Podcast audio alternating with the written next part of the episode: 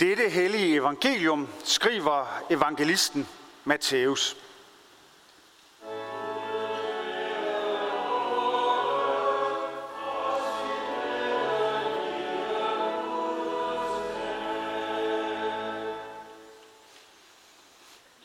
Da Jesus kom til området ved Caesarea Philippi, spurgte han sine disciple, Hvem siger folk, at menneskesønnen er?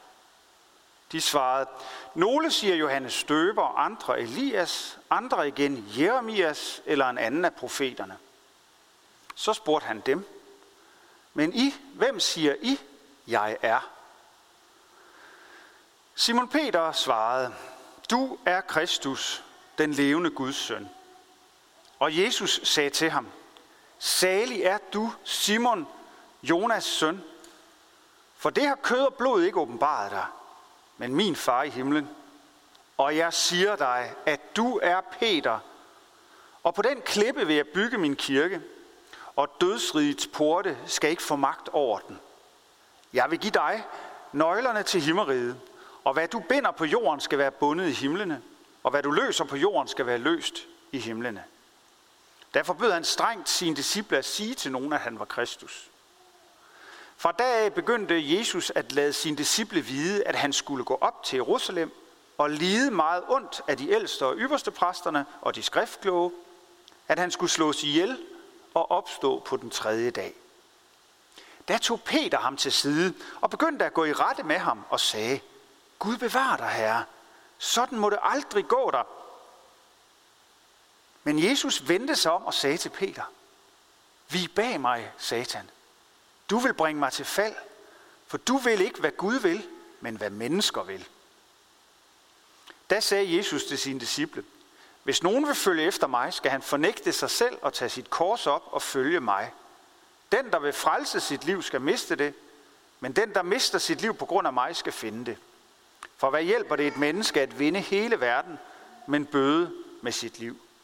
Eller hvad kan et menneske give som vederlag for sit liv? Amen.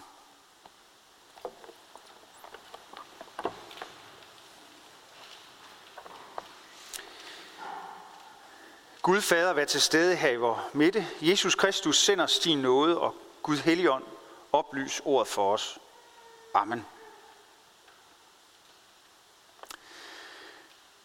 Der er to store kirker i verden, som på hver deres måde har været en form for hjørnesten i hver deres kirkeretning.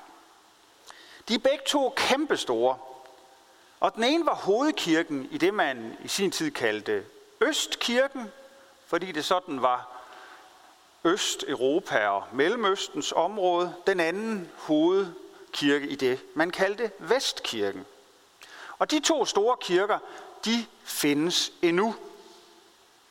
Den ene af dem har lige været i medierne her i den forgangne uge, da den efter 86 år som et museum nu er blevet til en moské igen, som den var fra 1453 til 1934. Der er tale om den kæmpe store Hagia Sophia, som i øvrigt betyder den hellige visdom, som ligger i Istanbul. Den blev bygget i 537, dengang byen hed Konstantinopel, og det var, da den blev bygget, verdens største bygning. Byen var dengang hovedstad i den aftager til Romeriet, som man kaldte det Østromerske rige, også det vi kalder Byzans eller det byzantinske imperium. Og Konstantinopel blev også kaldt det andet Rom. Kirken, Hagia Sophia, var hovedkirken i Østkirken, den del af kristenheden, vi senere har kaldt den ortodoxe kirke. På det tidspunkt kirken blev bygget, var kirken stadig en. Øst- og Vestkirken anerkendte hinanden fuldt ud. Der var forskelle, men der var også samhørighed. Det var først i 1054, at Øst- og Vestkirken blev splittet, og siden da har vi kendt dem som den ortodoxe kirke og den romersk-katolske kirke. I kølvandet på, at Konstantinopel faldt og blev erobret af tyrkerne i 1453, og Hagia Sophia blev lavet om til en moské, som den så lige den her uge er blevet igen. Der skete der en vis forbrødring mellem Øst- og Vestkirken, de to, sådan at de i hvert fald ikke længere gensidigt fordømte hinanden, som de havde gjort i en 400 år. Men til denne dag er der store forskelle på de to kirkeretninger. Som sagt blev Hagia Sophia af Kamal Atatürk omdannet til museum i 1934, og det var der rigtig mange inden for den ortodoxe verden, der var meget glade for. For den kirke, som altså engang var den største, har stadig en stor symbolsk betydning. Og stadig i dag er Konstantinopel, som de græsk-ortodoxe stadig kalder det, altså Istanbul, er stadig hovedsædet for den leder, som man kalder den økumeniske patriark, som er en slags symbolsk leder for alle ortodoxe, hvad enten de græske, russiske, serbiske, bulgarske eller hvad de nu er for en slags ortodoxe. Der er to store kirker.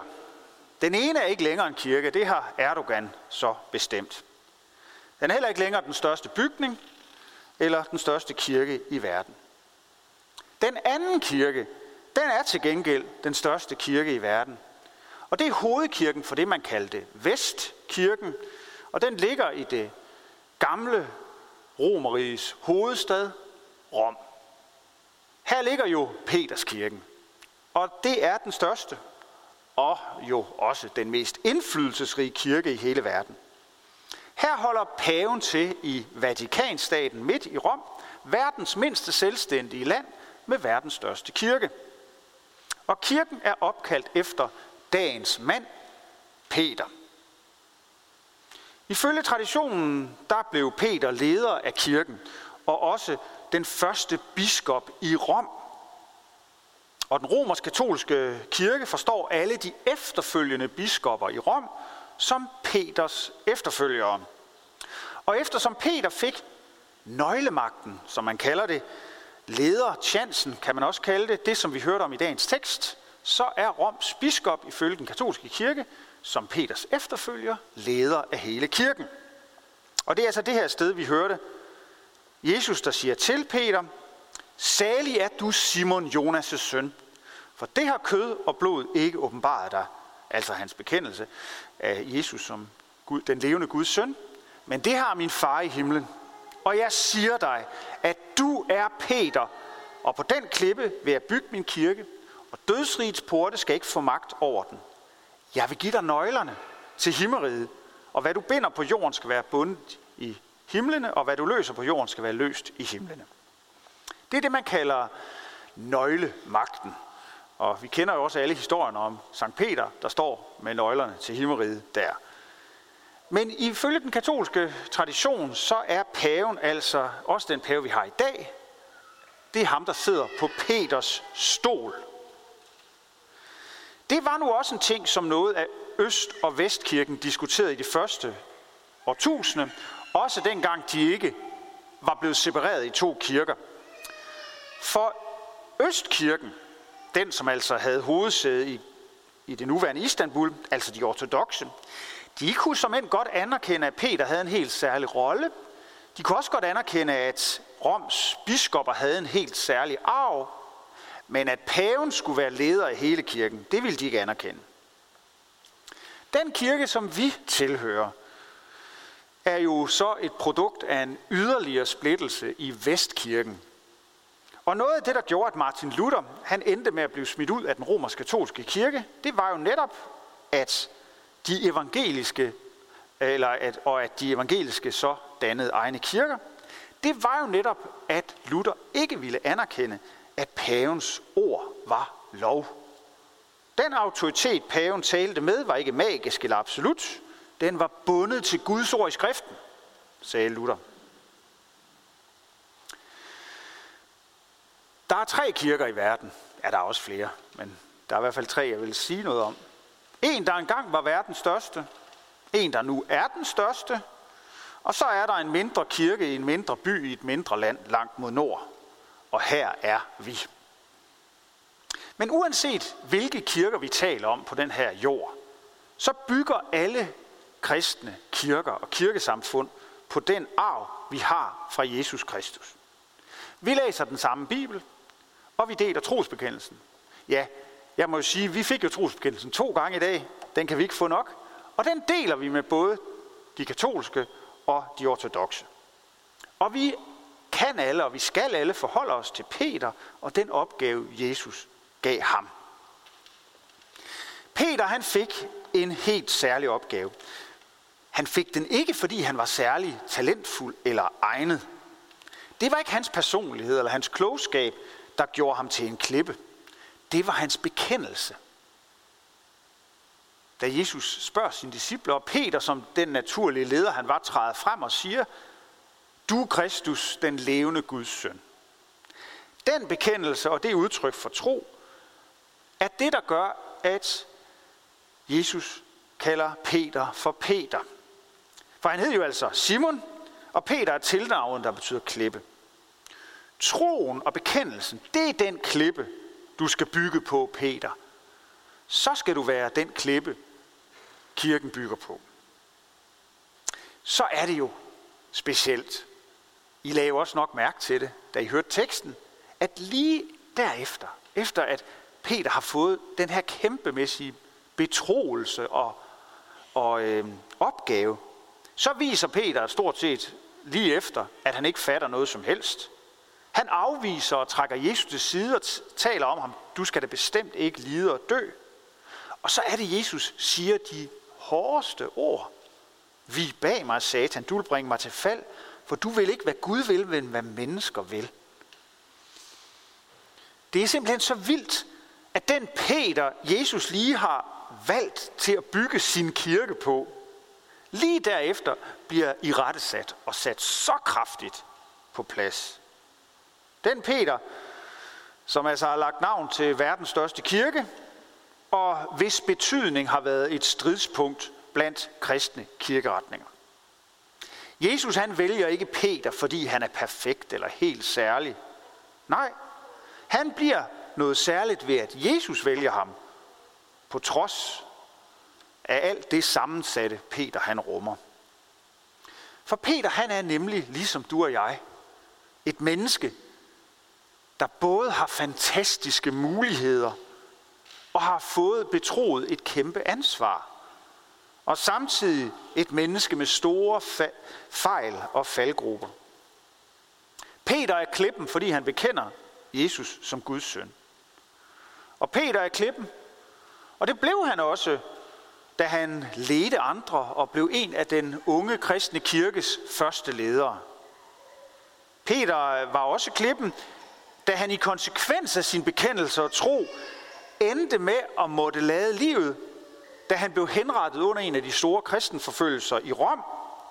Ifølge legenden er Peterskirken bygget over hans grav. Peter er klippen. Også selvom han ikke forstår noget og misforstår det helt, som vi altså hørte i dagens tekst. Peter er klippen også, selvom han er med til at jage børnene væk. Det gjorde disciplene jo, som vi hørte det ved dåben. Peter er klippen, også selvom han svigter, da, han, da Jesus er taget til fange, nægter alt kendskab til Jesus og sværger, at han aldrig har mødt den mand. Peter er klippen, selvom han falder igennem. Det er helt bogstaveligt talt. Han går på vandet og falder så i. For Jesus kan godt bruge den uperfekte Peter til at bygge noget godt op med. Hvor stiller det så dig og mig? Ja, hvis Peter han kan bruges, så kan du og jeg også bruges. Gør som Peter. Følg Jesus og bekend, at han er Kristus, den levende Guds søn. Og lyt til Peter, også når han sætter dig på plads, når du ikke fatter noget, eller svigter, eller når du jager andre bort. Peter blev valgt til at være leder af den første kristne kirke, og siden dengang har kirken bredt sig ud over hele jorden. Peter har lagt navn til verdens største kirke. En anden kirke, der engang var den største, er nu blevet omdannet til moské. Og her i år, der har jo kirker, masser af kirker i verden, er stadig lukket på grund af corona, også Herning Kirke. Men uanset hvad der sker med kirkebygninger rundt omkring, om de bliver lukket midlertidigt eller bliver til noget helt andet, så er Guds kirke ikke lukket. For kirken er ikke identisk med bygningen, stor eller lille. Kirken er et fællesskab, der bygger på den levende sten, som er Kristus selv. Det er ham, der er grundlaget. Og når Peter og vi andre så bygger videre, og måske, måske kan vise sig at være klipper eller byggesten, ligesom Peter, så er det, når vi holder os til Jesus Kristus. Ham, som har vist os, at Gud er kærlighed. Ham, som har vist os, at Guds kærlighed favner og modtager mennesker, som er fyldt med, fyldt med fejl. Og Jesus Kristus kalder os til at være Guds folk, nådens børn, dem, der har fundet barmhjertighed. Hvad er det? Hvad er den, som Jesus kalder dig til at være? Vær der, Peter og alle os andre. Amen.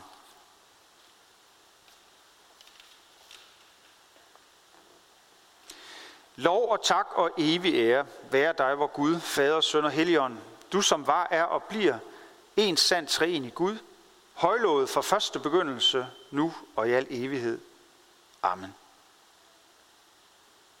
Hellige Gud og himmelske Far, vi lover at tilbede dig, som i godhed skænker os livet og alle det skaber.